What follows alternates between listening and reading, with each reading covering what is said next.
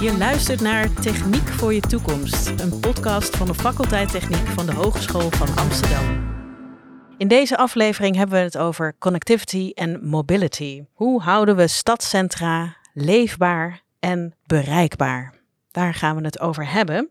En dat doe ik met twee mensen van de faculteit Techniek. Dat zijn Wout Nijhuis, onderzoeker duurzame stadslogistiek. En rechts van mij Kees Willem Rademakers. Jij bent docent en onderzoeker logistiek. Wij uh, beginnen zoals wij uh, al deze podcast beginnen met een voorwerp. En Wout, wat heb jij voor ons meegenomen? Het voorwerp wat ik mee heb genomen is een fietshelm. Die heb ik uh, besteld online. Uh, die kwam geleverd in een karakteristieke blauwe doos van een, van een grote Nederlandse webshop van fietsonderdelen. Mm -hmm. En ik heb dit artikel meegenomen omdat ik onder de indruk was dat het met de service was voor 11 uur s avonds besteld de volgende dag in huis. Dus dat is uh, waar ik het vandaag wel even over wil hebben. Ja, want we, we hebben het dus um, over pakketjes bezorgen. Dat is een, uh, een, een onderdeel van logistiek. Jazeker. En ik moet zeggen dat ik ook best vaak pakketjes bezorg. Maar ik vraag me af, doet de rest van Nederland dat dan ook? Dat is een interessante vraag die je stelt. En uh, het CBS heeft daar, uh, doet daar elk jaar onderzoek naar, naar hoeveel mensen uh, online bestellen. En dit jaar in 2000, voor 2022 kwamen ze tot bijna driekwart van de mensen die online bestellen. En dat is vergeleken met de afgelopen vijf jaar, in totaal over die vijf jaar, een 10% stijging van, van het aantal mensen dat online bestelt. Wat voor uitdagingen brengt dat bezorgen van steeds meer pakketjes dan met zich mee? De toename van het aantal online bestellingen in combinatie met de verstedelijking, die, die neemt een aantal uitdagingen met zich mee. Uh, maar wat, wat wel leuk is om te noemen, we hadden het net over pakketbezorging. Alleen pakketbezorging is maar ongeveer 10% van de, van de logistieke bestelvoertuigkilometers in de stad. Dus er gebeuren nog een hele hoop andere dingen in de stad. Uh, en dat neemt een aantal uitdagingen met zich mee, zoals bijvoorbeeld uh, een aantal vervoersbewegingen wat uh, tot overlast zorgt, CO2-uitstoot, onveilige situaties. Mm -hmm. En nou ja, de uitdaging met stadslogistiek is hoe zorgen we ervoor dat steden leefbaar blijven? En hoe zorgen we ervoor dat, dat met de toename van het aantal online bestellingen de logistiek efficiënt, maar ook betaalbaar blijft? Dat zijn grote vragen. En nog heel even, Jij zegt dat het maar 10% is, hè, die pakketjes. Wat is die overige 90% dan? Nou, een hele grote uh, logistieke stroom in de stad zijn de servicemonteurs, die, uh, die de gasketel bijvoorbeeld komen installeren of onderhouden. Een andere hele grote stroom is uh, voedsel. Dat kan bijvoorbeeld gaan over de toelevering van horeca. En ook een gigantische stroom is bouwgoederen. Zowel de monteurs zelf, zeg maar, maar ook de goederen voor, voor het bouwen van nieuwe huizen. Dat, uh, dat, neemt ook een hoop bewegingen met zich mee. Dan uh, ga ik even naar jouw uh, buurman, Kees Willem. We hebben het over de logistiek en pakketjes bezorgen, maar wat is nou de relatie met dat thema connectivity en mobility? Want dat is iets breders, vermoed ik. Ja, het komt er allebei terug. En eigenlijk wil ik beginnen weer met de helm. Want het interessante is, dankzij logistiek uh, heeft Wout heel snel dat, die helm kunnen thuiskrijgen. Maar dankzij dat hij die helm heeft kunnen thuis krijgen, kan je ook veilig fietsen. Kan hij waarschijnlijk ook zijn fiets daar bestellen en is hij mobiel. Uh, en kan hij leven op de manier dat hij wil in de stad. We zien logistiek wordt vaak aangevlogen van, oh het is een probleem, het is te veel overlast, we moeten er wat aan doen. Maar je zou het eigenlijk moeten omdraaien. En dat, dat, dat uh, dragen we ook uit samen met de gemeente en de vervoerregio waar we veel mee samenwerken. Mm -hmm. uh, dankzij stadslogistiek kunnen wij leven in de stad op de manier waarop wij nu doen. Eigenlijk is de logistiek is de bloedsomloop van de stad. Als daar nou ja, uh, klonters in komen of er worden aders afgeknepen, ja, wat gebeurt er dan in je lichaam? Nou, iets wat je liever niet wil. Nee, dan, dan sterft die stad zo'n Dan beetje. sterft de stad als je niet oppast. En dat is een grote, het grote uh, het debat dat nu gaande is, discussie van in hoeverre willen wij nou de stad auto vrijmaken en meer ruimte voor de voetgangers en de fietsers. En aan de andere kant, hoe zorgen we ervoor dat de stad nog bevoorraad kan worden met alle, uh, alle goederen die nodig zijn? En dat is e-commerce pakketjes is leuk, is een klein deel. Want het belangrijkste gedeelte is onze winkels, onze horeca, onze bedrijven in de stad. Hoe zorgen we ervoor dat de economie in de stad kan blijven draaien? En nou, dan kom je al bij connectivity en mobility. Van, uh, ten eerste, digitalisering in de stad en uh, in de manier van leven neemt steeds meer toe. Mhm. Ook in de logistiek. En het gaat er nu niet meer om dat je een vrachtwagen van A naar B kunt laten rijden. Maar hoe plan je? Hoe weet je wat de vraag is van logistiek? Hoe weet je waar iets afgeleverd kan worden en dat dat op een goede manier eh, gebeurt? Dus hoe is connectiviteit tussen alle verschillende spelers in de keten tot aan de consument aan toe? En mobiliteit, ja, zeker wethouders hebben een handje van om vooral te richten op personenmobiliteit. Want dat is tastbaar, zichtbaar. Als, als potentiële kiezer ben je daar, kom je daarmee in aanmerking. En mhm. is logistiek wat minder sexy. Maar logistiek is dus heel belangrijk. Hoe zorgen we ervoor dat die goederen met zo min mogelijk overlast maar wel tegen zo laag mogelijke kosten, zowel financieel als voor het milieu, uh, zodat wij kunnen leven op de manier waarop we nu doen. Dus zo is eigenlijk connectiviteit en mobiliteit uh, twee belangrijke onderdelen van stadslogistiek. Een oplossing om, uh, om de stad beter te bevoorraden is om buiten de stad plekken te creëren. Dit is het typisch denken vanuit um, ambtenaren met een politieke agenda of vanuit mensen die het, die, het, die het zien, maar niet precies begrijpen als goed onderzoeker, Wout, dat kun je ook wel beamen, moet je nooit beginnen met een oplossing. Dus we gaan hubs aan de rand van de stad neerzetten. Ik wil een elektrische auto. Dat kan wel zijn, maar je gaat eerst kijken, wat is het probleem dat ik wil oplossen? Mm En nu blijkt dat in sommige verschillende wijken van de stad zijn er andere problemen. In Buitenveldert kun je gerust met vrachtwagens door de stad blijven rijden. Uh, en nou, die kunnen misschien op een gegeven moment elektrisch worden, maar is weinig overlast. Maar als je in de Jordaan met een vrachtwagen gaat rijden, nou, dan heb je wel een ander probleem. Ja. Dus je gaat kijken naar elke verschillende wijk. Wat, hoe is de infrastructuur er aangelegd? Zijn er mhm. grachten of niet? Wat voor soort uh, ontvangers zitten daar? Zijn dat vooral consumenten of zitten daar veel horeca of gewoon bedrijven? En dan ga je kijken, wat is nou de beste afweging die ik kan maken tussen de bereikbaarheid en de duurzaamheid, maar ook hoeveel goederen er geleverd worden, de kosten die er met zich mee kan, uh, kan nemen en andere effecten. En vooral in Amsterdam, bijvoorbeeld kade- en bruggenprobleem, dat je niet zorgt voor uh, ja, grote uh, verzakkingen van de weg, bijvoorbeeld. Dus het is heel complex ja. en heel specifiek. Dus wat wordt dus nou gezegd? We gaan maar hubs neerzetten, dan lost de stadslogistiek zichzelf wel op. Maar dat is niet zo, helaas. Helaas, nee. en daar niet voor niks, de afgelopen jaren van de 300, 400 projecten die dus uitgaan. We gaan hubs neerzetten bijvoorbeeld. zijn nog twee of drie levend en de rest sterven een zachte dood nadat het subsidiegeld opraakt. Nu heb jij een, uh, een geluidsfragment meegenomen van uh, hoe het klinkt in de stad als er heel veel vervoerd wordt. Klopt dat? Ja, dat klopt. Laten we gaan luisteren.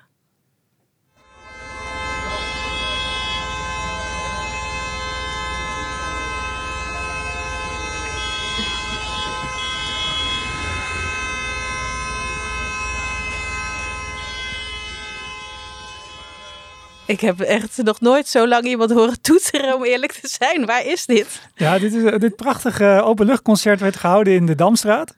Oh. Dus vlakbij de, de Dam en uh, tussen de Dam en de Nieuwe Hoogstraat. Uh, waarbij toen de tijd van een paar jaar oud een eenrichtingsverkeer was. Waar oh. en taxis en personenauto's en de vrachtwagens Um, en parkeerde en door wilde rijden, maar dat lukte niet erg. Het was ook nog een hele regenachtige uh, dag. Dus de, dit filmpje met dit geluidsfragment gebruik ik vaak bij mijn studenten om te laten zien. Dit is stadslogistiek in de praktijk. En daar moet je rekening mee houden als je de, de stad wil inrichten op, uh, nou bijvoorbeeld dat je een heel horecagebied wil hebben waarbij mensen gewoon kunnen eten en consumeren waar ze willen.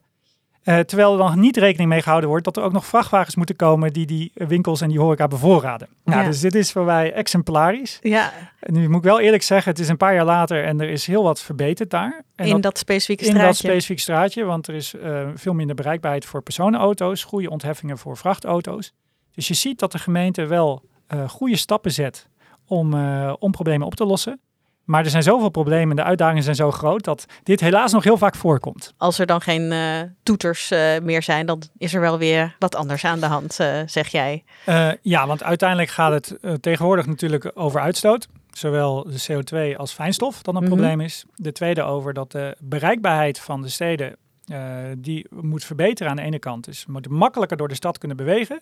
Maar het moet minder makkelijk worden voor de auto of vrachtauto om in de stad te komen. Dus eigenlijk een soort contradictio in terminis misschien wel. Precies, paradoxaal. Ja. Heel paradoxaal, ja. En het andere is, bijvoorbeeld het Nieuwe Hoogstraat, dat hebben ze goed geregeld. Maar als je één gebied verandert, dan heeft het een soort waterbed-effect noemen ze dat. Dat, je, uh, dat andere gebieden meer last gaan krijgen van de logistiek die bijvoorbeeld niet meer door één straat kan, maar dan mhm. door een andere straat, door een ander gebied moet gaan. Ja. Dus het is heel heel complex. Als je één straatje verandert, moet je eerst berekenen wat voor effect heeft dat op de andere straten. En is dat mogelijk? Ja, er zijn modellen, maar we weten allemaal wat modellen wel en niet kunnen. En vaak uh, zijn ze, uh, leiden ze tot wat deceptie. En de eerlijke antwoord is, als je met het programmateam Stadslogistiek van de gemeente Amsterdam uh, gaat, nee, want wij weten niet wat er de stad in rijdt en waarom het daar moet zijn. En dat is een van de hoofd, speerpunten waar ze nu mee bezig zijn, om te meten en te kunnen modelleren wat de impact is van stadslogistiek. En als je dat goed kunt doen, daarna pas kun je zeggen, nou wat is het effect als ik bijvoorbeeld één gebied helemaal autovrij maak. Laten we eventjes wat specifieker gaan kijken naar een voorbeeld. En dat is een project waar Wout aan uh, werkt. Um, jij bent bezig met het project Duurzame Buurtlogistiek. Uh, zijn er kansen voor hubs? Uh, we hadden het net al heel even over het opzetten van, uh, van hubs en de zin en onzin daarvan. Wat onderzoekt de Hogeschool van Amsterdam precies? Ik vond het wel een, een interessant gesprek net. Je noemde inderdaad hub als mogelijke oplossing om, om de leefbaarheid in de, in de stad te realiseren op het gebied van, van logistiek. En wat ik, wel, wat ik wel boeiend vond, is je noemde een hub buiten de stad. En er zijn verschillende manieren om hubs in te zetten om stadslogistiek te optimaliseren. Eén mogelijkheid is inderdaad wat ze dan noemen een regionale of een stadshub. Die is dan meestal buiten de stad. Het zijn voor grote stromen die daar dan, uh, die daar dan samenkomen. Maar een andere uh, mogelijkheid is meer op buurtniveau. En dan heb je het over buurthubs. Kees mm Willem gaf net ook al aan, eigenlijk elke stadslogistiek, uh, stadslogistieke buurt is eigenlijk, heeft eigenlijk zijn eigen karakteristieken. Dus wat wij nu aan het onderzoeken zijn, is hoe we op buurtniveau uh, logistiek kunnen optimaliseren om de, om de stad leefbaar uh, te houden. Eigenlijk wordt de, de potentie van stadshubs al decennia lang onderzocht. En wat, daar, uh, wat daaruit geconcludeerd is, is dat ruimte in de stad schaars en duur is. Dus uh, het realiseren van een, van een fysieke ruimte voor zo'n hub, dat, uh, dat brengt uitdagingen met zich mee. En wat wij in ons onderzoek nu onderzoeken, is hoe MKB-ondernemers, die eigenlijk stadslogistieke oplossingen aanbieden, hoe die samen kunnen komen om ervoor te zorgen dat ze dat kostenplaatje wel rondkrijgen. MKB-ondernemers die zelf hubs zijn, bedoel je dat? Nou, een voorbeeld van een aantal partners in ons, uh, in ons project. Eén daarvan is MyPub. MyPub, dat is een, een organisatie die uh, pakketjes bundelt of die uh, laat ik het zo zeggen, als consument kan je een pakketje bestellen bij een webshop en die kan je of bij je thuis laten afleveren of die kan je laten bezorgen bij MyPub. En mhm. MyPub die uh, levert er dan weer in pakketkluizen. Die kunnen bijvoorbeeld in uh, gebouwen staan, maar die kunnen bijvoorbeeld ook in kantoorpanden staan. En die kunnen dus eigenlijk op zo'n manier gebundeld en duurzaam afgeleverd worden. Ja. En dat is een oplossing, maar we denken bijvoorbeeld ook aan, aan deelvervoer, deelmobiliteit en eigenlijk allerlei verschillende functies die eigenlijk die stadslogistiek kunnen, kunnen optimaliseren om die bij elkaar samen te brengen. Hoe kun je die, die MKB'ers dan stimuleren om samen te werken? Nou, eh, waar we het net ook al, al over hadden, is dat, uh, dat het oplossen van stadslogistiek een grote uitdaging is, omdat het eigenlijk een, een soort afweging is tussen een hoop verschillende belangen. Wij hebben het nu bijvoorbeeld, uh, in ons project gaat het over MKB-ondernemers, die hebben uh, die hebben een product en die hebben bepaalde belangen om, om hun product op de markt te brengen. Een partij die er ook mee te maken heeft zijn uh, pakketbezorgers. Die hebben ook hun eigen belangen. En het voorbeeld wat ik net uh, aankaartte van MyPub, die neemt een stukje van de logistiek over. En die wil daar dus compensatie voor, want die vervoer, verricht ook werkzaamheden en die maakt ook kosten. En die optimaliseert eigenlijk in die zin het laatste stukje van, van, de, van de keten die de pakketdienst eigenlijk zou, uh, uh, zou regelen. Alleen wat we vaak zien is dat een pakketbezorger of de, een pakketdienst dan niet bereid is om die kosten weer in te leveren. Dus dat, dat brengt een hoop uitdagingen met zich mee. En ook een andere uitdaging, uh, wat ook al aangekaart werd, is de verschillende politieke belangen in de stad. En dat, uh, dat is nog een extra laag van complexiteit. Precies, dus er zijn heel veel dingen om, om mee rekening te houden. Want je had het net over die, die kosten. Hè? Die moeten e extreem laag gehouden worden hè? als het gaat om pakketjes ja. bezorgen. Maar um, ja, wat voor onderzoek je als, als hogeschool ook wat voor businessmodel ja. je dan kunt gebruiken daarvoor? Wat we aan, de, aan als hogeschool aan het onderzoeken zijn, is hoe we met gezamenlijke businessmodellen dus uh, dat kunnen realiseren. En het is misschien wel even goed om toe te lichten wat een, wat een businessmodel dan precies is. Een businessmodel is eigenlijk een soort van tool om een, om een bedrijf uh, in kaart te brengen. Dat bestaat uit verschillende uh, elementen. Het belangrijkste element zijn je klanten en je waardepropositie. Daar kom ik later nog even op terug. En uh, ook waar komen je opbrengsten vandaan? Waar worden je kosten gemaakt? Wat is het product wat je levert? Dat zijn een aantal voorbeelden. En misschien wel leuk om, uh, om een voorbeeld te geven van een businessmodel. Graag, ja. Uh, daar heb ik van tevoren over nagedacht. Omdat we vandaag een, een podcast opnemen, dacht ik dat het interessant was om Spotify als voorbeeld te nemen. Ehm, de klanten, een voorbeeld van de klanten van Spotify zijn de gebruikers, maar ook de, uh, de adverteerders, dus de partijen die, uh, die reclames uh, laten draaien op de platformen. De waardepropositie die Spotify levert voor de, voor de gebruikers van het platform is toegang tot muziek, maar dus ook tot podcast. En de waarde die ze, die ze realiseren voor adverteerders is dat dus gebruikers reclames krijgen. En, hoe, Dan mis ik de artiesten nog. Uh, ja, de artiesten dat zijn. Dus dat is dan weer een partner waar ze mee samenwerken. Ah. En dus eigenlijk dat netwerk van hoe dat bedrijfsmodel in elkaar zit, dat leidt dan ook weer tot uh, bepaalde stromen die voor kosten zorgen en bepaalde uh, activiteiten die voor kosten zorgen. En ook stromen die dus weer waarde realiseren. En zo, door dat, dat, die, die tekening in te vullen, krijg je een beetje een beeld van, van hoe zo'n bedrijfsmodel er dan precies uitziet. En wat wij dus in ons uh, onderzoek proberen, is om de verschillende bestaande bedrijfsmodellen van de MKB-ondernemers samen te voegen. Om te kijken hoe we bijvoorbeeld de, de exploitatie, wat ze dan noemen, dus het draaiende houden van de fysieke locatie, als die kosten gedeeld kan worden, dan wordt het goedkoper. En op mhm. die manier kunnen we ervoor zorgen dat het hopelijk wel uh, rendabel wordt om een, om een hub te realiseren wat zo interessant is, dat hoor je aan het hele gesprek. We hebben het eigenlijk niet over de technische, eh, logistieke oplossingen. Nee. Zoals hoe laat je, wat voor soort vrachtwagen laat je naar A naar B rijden? Nee. Hoe moet zo'n hub eruit zien? Maar dat komt, en dat vind ik eigenlijk het allerleukste van stadslogistiek en het onderzoek daarna dat we de zelf doen en met studenten, is dat uh, de logistieke oplossingen zijn er wel. Maar hoe laat je mensen met elkaar samenwerken? Hoe richt je dat in in een stad? Hoe communiceer je erover? Uh, hoe ga je om met weerstanden? Dus het is, logistiek is veel meer dan alleen maar iets technisch. Het is eigenlijk sociaal-maatschappelijk. En als, je als we de studenten hiermee in contact laten komen, nou, die komen uit hun studieboek en zeggen van uh, ik heb dit model en ik heb uh, deze theorie.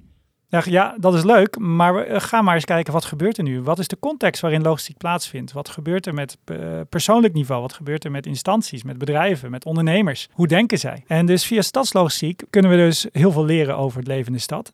Maar studenten kunnen wel ontzettend goed onderwijzen hoe het nou echt is, hoe logistiek uh, eigenlijk onze hele maatschappij beïnvloedt. Eh, we, we, zitten in een podcast die gaat uh, over techniek, de, of mm -hmm. tenminste van de faculteit techniek is. En we hebben het helemaal niet over techniek.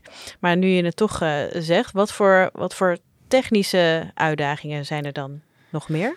Nou, de technische uitdagingen die zijn legio. Ehm, neem alleen maar dat we willen elektrificeren. En, daar moet, en er moeten voldoende voertuigen zijn die ook nog geschikt zijn. Want hoe gaan we om met de energievoorziening? Want het Amsterdamse stroomnetwerk is niet geschikt om het hele stadslogistieke wagenpark wat hier rondrijdt in de stad uh, te elektrificeren. Het kan gewoon niet. Laat staan als ook nog de consumenten uh, overgaan op elektrische voertuigen. Ja. Dus dat is een belangrijke. En daarnaast is, stel je voor, we krijgen bedrijven zover om te gaan samenwerken. Nou, dan hebben we wel concepten voor bundeling.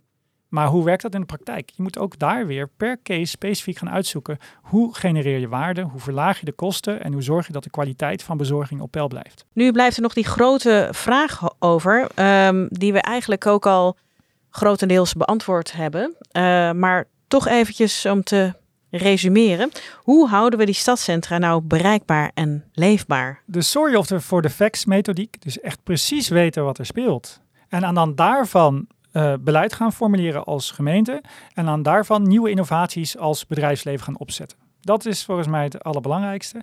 En daarbij heel flexibel in zijn. Dus kijken wat is er specifiek in de wijk nodig. Dank jullie wel, Wout en uh, Kees Willem. Dank je wel voor het luisteren. Dit was Techniek voor je toekomst, een podcast van de faculteit Techniek van de Hogeschool van Amsterdam. Vond je het een leuke aflevering? Abonneer je dan in je favoriete podcast-app.